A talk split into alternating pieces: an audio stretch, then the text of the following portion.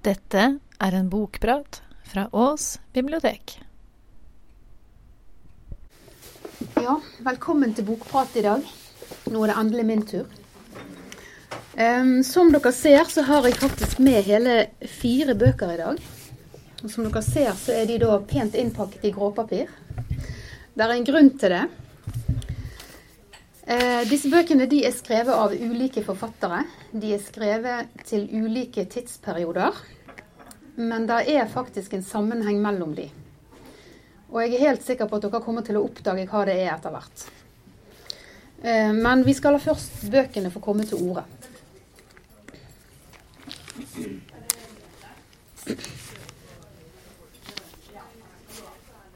Jeg kan godt forstå den keltiske overtroen om at sjelene til alle dem vi har mistet, lever videre som fanger i et laverestående vesen. I et dyr, en plante, en livløs ting, uten mulighet for å nå oss inntil den dag som for mange aldri inntreffer, der vi kommer til å gå forbi det treet, eller kommer i besittelse av den gjenstanden som er deres fengsel. Da begynner de å skjelve, de roper på oss og så snart vi har gjenkjent dem, er trolldommen hevet. Vi har befridd dem, de har overvunnet døden og kommer tilbake for å leve sammen med oss. Slik er det også med vår egen fortid. Det er spilt mye å prøve å gjenkalle den. Vår tankes bestrebelser er alle forgjeves. Den befinner seg skjult utenfor tankens område og rekkevidde, i en eller annen materiell gjenstand i det sanseinntrykk som denne materielle gjenstand ville gi oss, som vi ikke har noen anelse om. Og det avhenger av en tilfeldighet om vi i det hele tatt skal møte denne gjenstand på vår vei, før vi dør. I mange år allerede hadde det ikke vært noe mer igjen av Combray for meg enn det som var knyttet til min sengetids daglige drama. Da det en vinterdag skjedde at min mor, som så meg komme forfrossen hjem, spurte om jeg ikke mot min sedvane ville ha en kopp te. Jeg avslo først, men av en eller annen grunn ombestemte jeg meg. Hun sendte da bud etter en av disse butte og lubne, riflede kakene som vi kaller petit madeleine, og som ser ut som de er laget i et kamskjell. Nedtrykt av den mørke dagen og av utsikten til en like trist morgendag, førte jeg snart mekanisk mot munnen en skjefull te, hvor jeg hadde latt en bit av madeleinekaken løse seg opp. Men i samme øyeblikk som teen blandet med kake berørte ganen, for jeg sammen, slått av det usedvanlige som plutselig fant sted. En vidunderlig glede hadde grepet meg, en enestående glede som ikke visste om sin egen årsak. På samme måte som kjærligheten bevirket den at alle omskiftelser ble likegyldige, all ulykke harmløs og livets flyktighet en illusjon. Den fylte meg med en kostbar essens, eller snarere, denne essens var ikke i meg, den var meg. Jeg følte meg ikke lenger mislykket, begrenset, dødelig. Hvorfra hadde denne sterke glede kunnet nå meg? Jeg fornemmet at den var knyttet til smaken av te og kake, men at den overskred dem uendelig. Den var ikke av samme natur. Hvorfra kom den? Hva betegnet den? Hvordan kunne jeg finne ut av den? Jeg tar en ny slurk, hvor jeg ikke finner mer enn i den første, en tredje som gir, gir meg litt mindre enn den andre. Det er på tide at jeg stanser Bryggets kraft synes å avta. Det er tydelig at den sannhet jeg leter etter, ikke er i det, men i meg.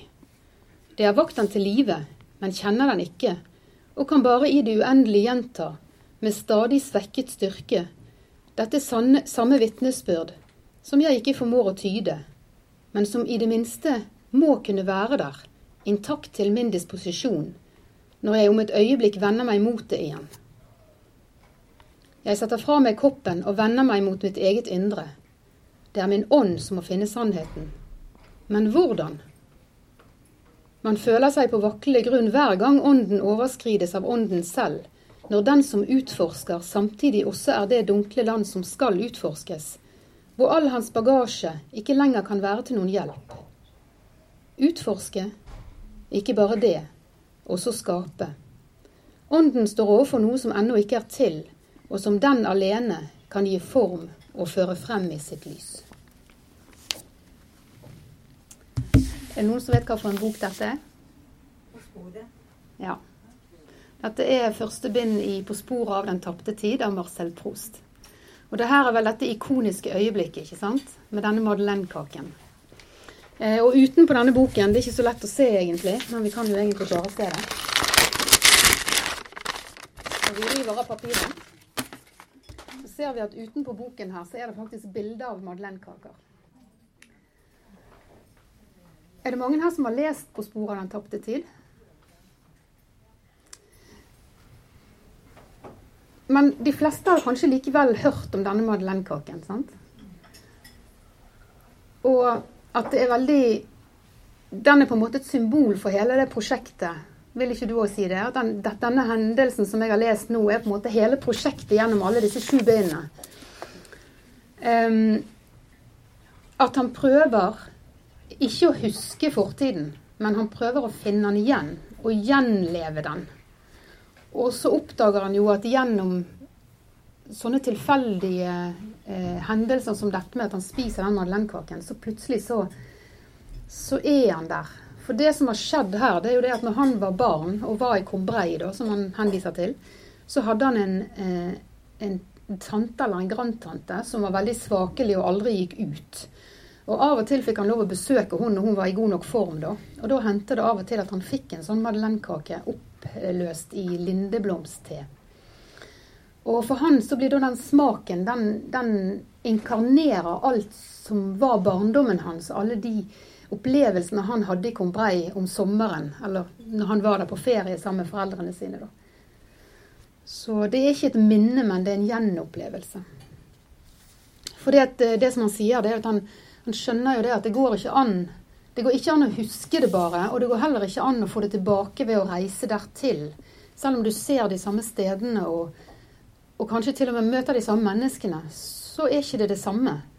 For at stedene er annerledes, og de han treffer er annerledes. Men mest av alt så er han annerledes. Så det å få en sånn direkte opplevelse av en tid som er tapt, det er det da han prøver å finne metoder for. Um, det er jo sagt veldig mye om Prost. Eh, og um, det som forbauset meg mest når jeg begynte å lese denne her boken, her, det var det at um, det var utrolig underholdende. Og det var det egentlig ingen som hadde sagt så mye om. Eh, for det at han er veldig inderlig. Han er jo ekstremt detaljfokusert, og den handler jo egentlig om ingenting. Eh, men den er veldig inderlig og veldig humoristisk, og ganske ofte ganske ondskapsfull. Han har noen beskrivelser av personer spesielt som er ganske nådeløse. Denne boken ble skrevet i 1913. Eh, den kom ut første gang i 1913, så det var begynnelsen. Så fortsatte jo Prost å skrive på dette verket frem til han døde. Da. Og det ble vel egentlig aldri ferdig. Men eh, det holder sånn som det er. Altså, eh, det er veldig bra sånn som det er. Det trengte ikke bli ferdig for å være bra. Nå skal vi gå til neste bok, og den er, den er så avslørende at hvis ikke dere tar den i løpet av eh, den første setningen, da er det egentlig røpet. Dere kommer til å skjønne det, jeg er rimelig sikker. Vi skal mye, mye lenger tilbake i tid nå. I dette øyeblikk oppdaget de 30 eller 40 vindmøller som finnes i dette området. Er vi på sporet allerede? OK, hvor er vi da? Ja, og det er Ja. For det at nå sier han nemlig det. I dette øyeblikk oppdaget de 30 eller 40 vindmøller som finnes i dette området. Og straks Don Quijote så dem, sa han til væpneren. Tilfeldighetene ordner alt for oss bedre enn vi selv kunne ønske. For ser du der, Sancho Panza, min venn, hvor det dukker opp 30, om ikke fler, gresselige kjemper som jeg vil gå i nærkamp med og slå i hjel alle sammen. Og med bytte fra dem vil vi legge grunn til vår rikdom for det er en rettferdig og Gud velbehagelig krig å rense jordens overflate for denne onde sæd. Hvilke kjemper? sa Sancho Panza. Dem du ser der, svarte Hans Herre, De med de lange armene, som på noen er mer enn to postmil lange. Men hør Deres nåde, svarte Sancho. For det som der dukker opp, er ikke kjemper, men vindmøller. Og det som hos, som hos dem virker som armer, er møllevingene som beveges av vinden og får møllesteinen til å gå rundt. Det later til at du ikke er vel versert i dette med riddereventyr, sa Don Quijote. Det vi ser er kjemper, og om du blir redd, gå da til side og be en bønn mens jeg kjemper en vill og ulik kamp med dem. Således talte han, og sporet så Rosinante, uten å bry seg om at hans væpner Sancho ropte til ham og understreket at det han skulle til å angripe, utvilsomt var vindmøller og ikke kjemper. Men han var så oppsatt på at det var kjemper, at han ikke hørte ordene fra væpneren Sancho, og så heller ikke hva det var, selv om han nå var nær nok, men utropte med høy røst. Flykt ei, feige og usle skapninger, for det er bare én en enkelt ridder som angriper eder. I samme øyeblikk kom det et vindpust, og de store møllevingene begynte å bevege seg, og da Don Quijote så dette, sa han, om vi så beveger flere armer enn kjempen Briareo, skal de få betale det. Med disse ordene Idet han av hele sitt hjerte anbefalte seg til sin herskerinne Dulcinea, med bønn om at hun skulle støtte ham i slik fare, og dekket av skjoldet, angrep han i full galopp med fellet lanse den første mølen han så foran seg. Han satte inn et lansestøt mot møllevingen, og veden dreide den nå med slik voldsomhet at lansen ble knekket og trakk med seg hest og rytter, som begge rullet over ende og fikk stygg medfart. Sancho Panza kom til for å hjelpe ham så fort eselet kunne galoppere, og fant at Hans Herre ikke kunne røre seg. Så voldsomt var fallet med Rosinante. Gud hjelpe meg, sa Sancho. Sa jeg ikke til Deres nåde at de skulle være forsiktige med hva de gjorde, siden det bare var vindmøller, og det kunne ingen unngå å se, med mindre man har vindmøller i hodet. Ja, dette er altså helt i begynnelsen av første bok, Don Quijote, eh, Cervantes. Vi er i Spania. 1605, eh, faktisk. Dette blir regnet som verdens, eh, den vestlige verdens første roman. Og eh, det er jo ganske godt gjort å få det til på første forsøk, for dette her er faktisk òg regnet som verdens beste roman. Så i de årene som har gått etterpå, så har vi ikke greid å produsere noen ting som er bedre enn den her. Er, de, er veldig mange veldig enige om. Jeg vet ikke hvordan man avgjør om hva som er verdens beste roman eller ikke, men, men det er ikke tvil om at det er en veldig underholdende roman, det her, denne boken, denne fortellingen om ridderen av den bedrøvelige skikkelse, som man kaller han. Uh, han er jo slett ingen ridder, denne mannen, men han har forlest seg på riddereventyr. Dette er altså på 1600-tallet. Vi er langt forbi riddertiden. Altså ikke i hans samtid. Da fantes ikke riddere i hans samtid. Men for han så er dette her den ideelle verden, der du kan slåss mot uhyrer og kjemper. Og der er vakre jomfruer som trenger beskyttelse, og disse heroiske idealene er til stede i hverdagen. ikke sant? Så han bestemmer seg egentlig bare for å, være der. Um, så han klarer da å skape denne verden som han ønsker seg. Om ikke annet så er den verden inni hans eget hode. Hvis vi slår opp på, på Wikipedia f.eks., eller helt sikkert i store norske òg, på Don Quijote, så står det der at eh, den betegnelsen kan brukes spøkefullt om en latterlig idealist eller en drømmer med manglende virkelighetssans. Og det er jo det begrepet vi kjenner, ikke sant? Dette her å kjempe mot vindmøller. At man på en måte tar en kamp mot noe. Det hadde ikke vært nødvendig. Det har ingenting for seg. Det vil ikke føre til noen ting. Og det er et tegn på at den som tar kampen, eh, ofte har en litt annen virkelighetsforståelse enn de fleste andre. Eh, men er han virkelig gal, da, Don Quijote? Og, eller er det bare at han ordner verden sånn at den blir meningsfull for han å leve i? Og om han er gal, er han virkelig latterlig? Er det latterlig å ønske seg det som han ønsker seg? Det her kan man jo diskutere i mange sene nattetimer. Eh, men det er helt sikkert at denne boken den er et oppkom av veldig absurde situasjoner, som dere har fått et eksempel på nå. Veldig friske beskrivelser og veldig mange innskutte bifortellinger, så man kommer litt på viddene ganske mange ganger. Eh, det er veldig morsomt å se hvordan prosjektet til Cervantes på en måte forandrer seg underveis. At i begynnelsen, som vi leste fra, da, så, så er det veldig tydelig at han skriver en satire, eller Ja. Men så etter hvert så forandrer det seg, og både han og vi blir jo veldig glad i disse personene som han beskriver. Det blir dypere og mer alvorlig etter hvert, syns jeg. Dette her er en bok eh, som får meg til å ønske at jeg leste spansk. For jeg er helt sikker på at det er mye her som er umulig å oversette. Nå skal vi til neste. Og nok en gang, jeg er helt sikker på at dere tar den med en gang. Eh, nå skal ikke vi så mye lenger tilbake. Det er faktisk bare et par år hvis man ja, men er ikke enig med seg sjøl. Dere kommer til å høre hvorfor.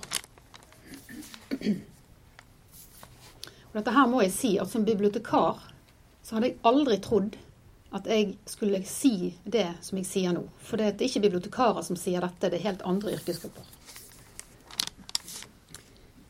Spørsmålet er å være eller ikke. Om det gjør mer storsinnet å tåle en voldsom skjebnes kast og pilregn enn å ta til våpen mot et hav av sorger og slukke dem i trass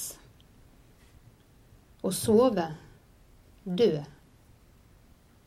Mer er der ikke. Å si at søvn slukker hver hjertesorg og tusen rystelser som kroppen arver. Ja, et endelikt vel verd å drømme om. Å sove, dø. Å sove, kanskje drømme, det er haken. For dødens drømmer følger dødens søvn når vi har snodd oss ut av livets skinn. Og derfor stopper vi. Vi overveier og får et langt liv i elendighet. For hvem kan tåle verdens pryl og spott, tyranners trykk og arrogant forakt, en kjærlighet som hånes, rettslig sommel, betente embetsmenn og alle spark som avskum langer ut mot den som tier? Hvis regnskapet kan gjøres opp, kan, hvis regnskapet kan slettes, gjøres opp med en sløv dolk. Hvem gadd å bære lasten og slite livet ut med pust og pes, hvis ikke angst for noe etter døden, et ukjent land som ingen reisende kan vende hjem fra, lamslo viljen vår, og gjorde at vi velger dagens nød og ikke flykter til den ukjente. Bevisstheten gjør alle til kujoner, og dermed vil den resolutte glød lett blekne under tankens gustne skinn, og virksomheter som har kraft og mening, vil bøye av og miste kravet på å kalles handling. Den er vel kjent, ikke sant? Det er Shakespeare. Hamlet, ja. Dette er vel kanskje den mest berømte monologen i litteraturhistorien. Det er kanskje den mest berømte setningen i litteraturhistorien, ikke sant? Selv om i denne oversettelsen For det er det vi kjenner det som, det er jo å være eller ikke være, det er spørsmålet. Men her står det faktisk spørsmålet er å være eller ikke. Eh, jeg har lest to forskjellige norske oversettelser, og ingen av de har denne 'å være eller ikke være', det er spørsmålet. Så jeg er fremdeles på jakt etter den norske utgaven der den formuleringen faktisk fins. Så om vi på en måte bare har tenkt at det blir det når vi hører den engelske originalen, kanskje. Jeg vet ikke. Jeg er ikke noen Shakespeare-ekspert. Så kanskje den fins. Det fins jo mange forskjellige oversettelser. Um, og Grunnen til at jeg sa at vi er bare litt tilbake, det er det at man har en sånn uh, vag uh, enighet om at denne, dette skuespillet ble skrevet sånn ca. 1603. Og da er vi bare to år før Cervantes, ikke sant. Uh, hva er det Hamlet diskuterer med seg sjøl her? Hva er det han Dette her er tredje akt, sant? Altså nå er vi, ganske, vi er et godt stykke ute, ute i stykket nå. Så Hamlet har jo oppdaget at faren hans er ikke bare, han er ikke bare død, men han er drept. ikke sant? Og sannsynligvis, sånn som han ser det da, så er det både moren hans og uh, broren til faren er med i dette her. Og det er forferdelige ting han må forholde seg til.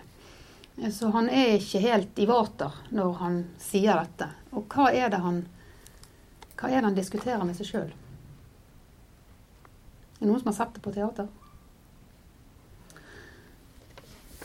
det er jo dette her om at eh, hvis ikke det var for at vi ikke vet hva som finnes etter døden, så hadde de fleste bare gjort slutt, slutt på livet. Det er det han sier. At livet er så, så vanskelig. Og, og dette må vi jo se i lys av det han, den, det han går igjennom nå. ikke sant? At det er rett og slett ikke noen ting som holder deg der, annet enn at du ikke vet hva som vil skje når du kommer på den andre siden. Og eh, selv om det ikke blir eksplisitt sagt, så må vi jo tenke oss at eh, Selvmord jo, er jo en synd ikke sant, i kristendommen. I hvert fall spesielt i den katolske kirke. ikke sant, så er jo kristendommen en, en selvmord en synd. Sånn at Det er jo òg sett i lys av det. ikke sant, at Ved å begå selvmord, så ikke bare at du utsetter deg for dette som kommer etterpå, som du ikke vet noe om, men at du velger den måten å gå ut av livet på, vil kanskje forandre utfallet òg. Så Det er derfor han sier det at For det, alle skal jo dø uansett, så sånn sett så er det jo ikke noe forskjell. ikke sant, Det er bare at man skal ikke sjøl bestemme tidspunktet, da. Det vil forandre hvordan, hva som skjer etterpå.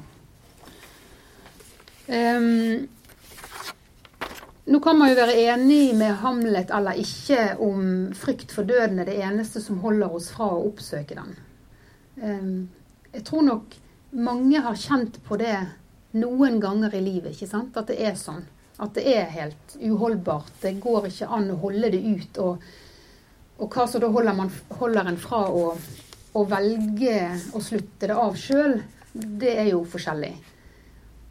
Men, men, det som Hamlet på en måte ikke gir åpning for her, i den situasjonen og de følelsene han har, så er det det at livet er verdt å leve i seg sjøl. At det er noen ting der som er bra og positivt og verd det. Verd disse plagene og disse betente embetsmennene. At det er ting i livet som gir glede. Men eh, ja, den mest berømte monologen i litteraturhistorien. Så kommer vi til den siste, og nå skal vi langt tilbake nå. Vi skal ikke så langt tilbake som vi kunne ha gått. altså Det er fremdeles ganske mange år igjen før vi, før vi hadde vært på begynnelsen av, av litteraturhistorien. Men eh, vi er godt tilbake i tid. Da sto en lovkyndig frem og ville sette Jesus på prøve. Mester, sa han, hva skal jeg gjøre for å få evig liv? Hva står skrevet i loven, sa Jesus. Hva leser du der? Han svarte, du skal elske Herren din Gud av hele ditt hjerte og av hele din sjel og av all din kraft og av all din forstand, og din neste som deg selv. Da sa Jesus, du svarte rett. Gjør det, så skal du leve. Men den andre ville rettferdiggjøre seg og spurte, Hvem er så min neste? Jesus tok spørsmålet opp og sa, En mann gikk fra Jerusalem ned til Jeriko. Da falt han i hendene på røvere. De rev klærne av ham, skamslo ham og lot han ligge der halvdød. Nå traff det seg slik at en prest kom samme vei. Han så ham, men gikk rett forbi. Det samme gjorde en levitt. Han kom, så mannen, og gikk forbi. Men en samaritan som var på reise, kom også dit han lå, og da han fikk se ham, syntes han inderlig synd på ham. Han gikk bort til ham, helte olje og vin på sårene hans og forbandt dem løftet ham opp på eselet sitt og tok ham med til et herberge og pleiet ham. Neste morgen tok han frem to denarer, ga dem til verten og sa, Sørg godt for ham, og må du legge ut mer, skal jeg betale deg når jeg kommer tilbake. Hvem av disse tre synes du nå viste seg som en neste for han som ble overfalt av røvere? Han svarte, den som viste barmhjertighet mot ham. Da sa Jesus, Gå du bort og gjør likeså. Så hvor er vi nå? Hva for en bok er dette? Ja, Det nye testamentet. Eh, det er Lukas' evangelium. Eh, og hvem som har skrevet Lukas' evangelium, det er jo like mye diskusjon om som når Shakespeare sine stykker var skrevet. Eh, det blir jo tilskrevet legen Lukas, da, som var en person i kretsen rundt Paulus. Men det kan ha vært en annen person i kretsen rundt Paulus. Og nå er vi ca. 80 etter Kristus.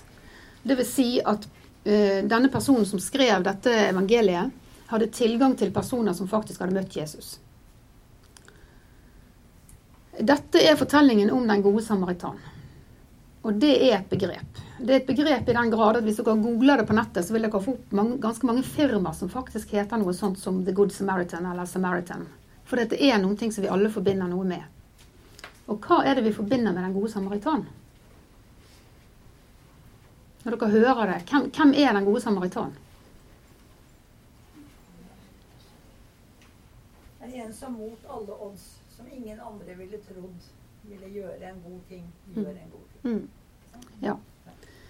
For at, uh, dette er jo en Samaritanen her er jo alle disse som passerte han på veien, både presten, levitten og samaritan, var jo fremmede. Det var ingen som kjente han fyren her. Sant? Han lå jo der i veikanten, og, og, det var jo ikke en de kjente. Det var en som var fremmed for de alle. Um, det som ligger implisitt i denne historien, det er jo at den mannen som ble skamslått, den mannen som reiste fra Jerusalem og ned til Jeriko, han var jøde. Det blir ikke sagt, men det ligger implisitt i historien at det er det. Um, og det gjør at det her blir mer radikalt enn at det bare er en fremmed som gjør en god gjerning mot en person som man ikke kjenner. I Israel i dag så finnes det ca. 800 samaritaner. Eh, disse blir betraktet som en jødisk sekt, eh, og de har en tro som avviker en del fra vanlig jødedom. Blant annet så, etter det jeg har skjønt, så bruker de bare mosbøkene, ikke andre hellige skrifter. Og de har andre hellige steder enn det jødene har. Og opp gjennom historien så har det vært veldig mye stridigheter mellom jødene og samaritanene.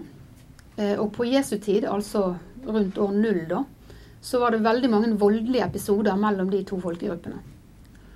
Ganske drastiske greier. Eh, og dere vet jo at eh, da var jo romerne i dette området, ikke sant. Og de så jo fordelen av å sette disse to gruppene opp mot hverandre, så de fyrte vel litt oppunder òg. Jøder skulle ikke ha samkvem med samaritaner. De skulle ikke snakke med dem engang. Og her forteller Jesus en historie der presten og levitten, altså samfunnets støtter, de som virkelig er de høyt aktede i samfunnet En prest er jo en person som er høyt oppe, og en levitt det er en person som har tempeltjeneste, eh, som sies å ha fått tempeltjenesten av Moses sjøl. Så dette her er virkelig samfunnets støtter. Og her blir de gjort til skurkene i denne fortellingen.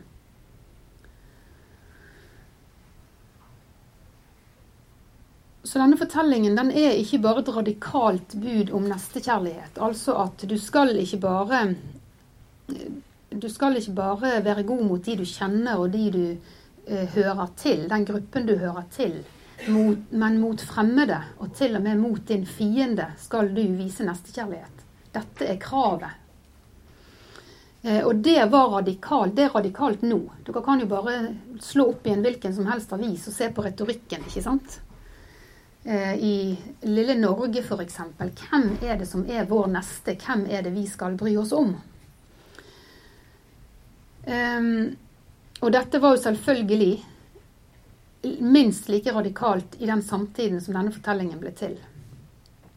Eh, det er en ting som også er litt der er en annen fortelling om en samaritan i Bibelen. Og det er ikke en, er ikke en fortelling sånn som denne. sant? Dette her er jo noe Jesus forteller. Det har jo ikke skjedd. Han forteller det for å gjøre et poeng. Men det er en annen fortelling om en samaritan, og det er når Jesus kommer og møter en samaritansk kvinne. Eh, hun er samaritan, og hun er kvinne, og han snakker med henne. Det er bare, Man gjør bare ikke sånt.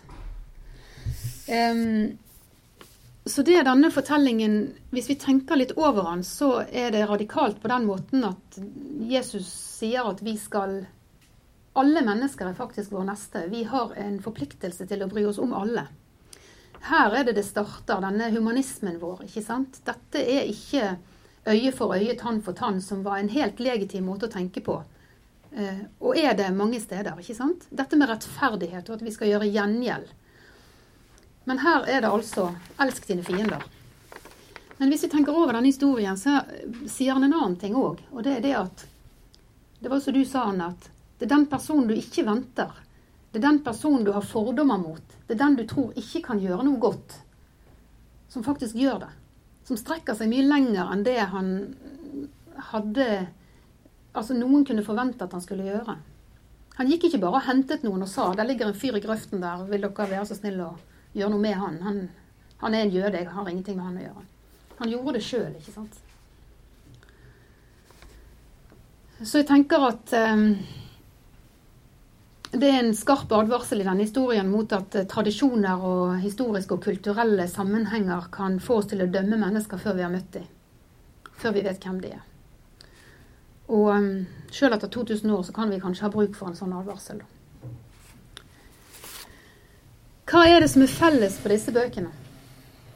Vi har Prost, 1913. Vi har eh, Cervantes og eh, Shakespeare rundt 1600 der blank. Og så har vi da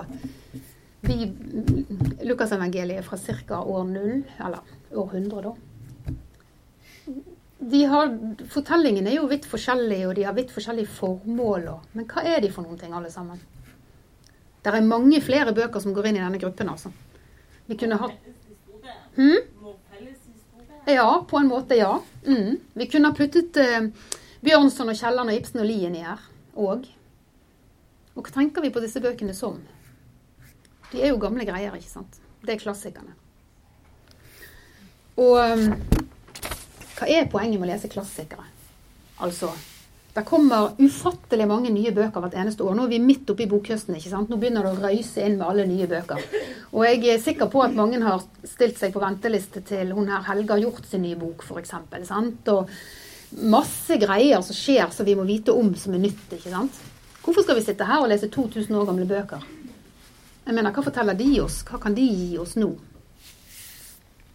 Selvfølgelig så kan vi jo da skryte av at vi har lest dem. Altså Hvis man faktisk har lest Prost, da får man ganske mye kulturell eh, goodwill. Altså, da, er man, da man kulturkjerring, som var et begrep for noen år siden, hvis dere husker. Um, men det var som Amalie sa her i sted, vi får på en måte del i et nettverk av litteratur og lesere. Bare tenk hvor mange som har lest disse bøkene før oss, som har hørt disse tekstene og, og tenkt på de samme ordene som vi sitter her og tenker på i dag. En ganske magisk ting, dette. Og at vi kan sitte her òg og, og, lese tankene til mennesker som er blitt støv for hundrevis av år siden, det er også helt magisk.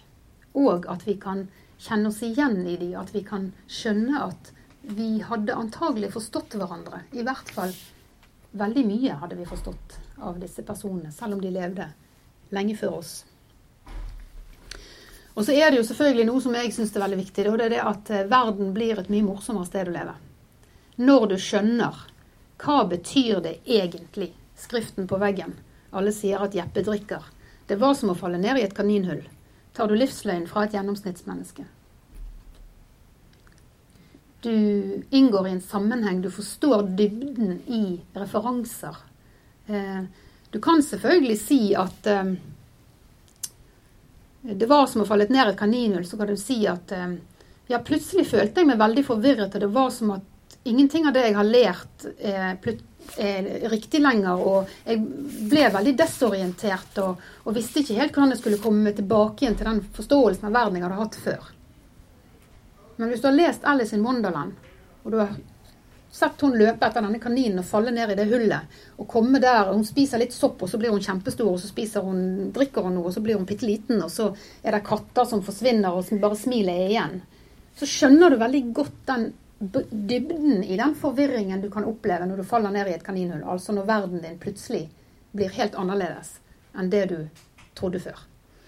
Og det er det disse, disse referansene gjør. ikke sant? At de er mye dypere enn den lille beskrivelsen du kan gi i rene ord. Og det er det jeg mener med at verden blir mye morsommere. Og så er det jo faktisk sånn, helt utrolig nok, altså, at det er faktisk veldig gode bøker. Veldig mange av disse her. Eh, selvfølgelig, de er ikke klassikere uten grunn. De har fått den statusen fordi at noen syns de er verd å holde på med. Hvis man trenger flere grunner, så kan man gå på internett og så kan man lese 14 grunner faktisk, som den italienske journalisten og forfatteren Italo Calvino har skrevet opp. Eh, jeg er helt enig i alle de grunnene han oppgir, men jeg er spesielt fornøyd med nummer ni. Og der står det Klassikerne er bøker som vi tror vi kjenner godt, ut fra hva vi har hørt om dem, men som vi finner å være mer moderne, friskere og mer overraskende når vi faktisk leser dem. Dette skjer naturligvis bare når en klassiker fungerer som det, dvs. Si når den oppnår å kommunisere personlig med leseren. Hvis denne gnisten ikke oppstår, er det trist. Men vi leser ikke klassikere av plikt eller respekt, men kun av kjærlighet. Unntatt på skolen. Skolens oppgave er å gjøre deg kjent, enten godt eller dårlig, med en rekke klassikere. Blant disse, eller med referanse til disse, kan du velge dine klassikere. Skolen plikter å gi deg et sett med redskaper som du vil trenge for å gjøre et valg, men de valgene som teller, er de som blir foretatt utenfor og etter skolen.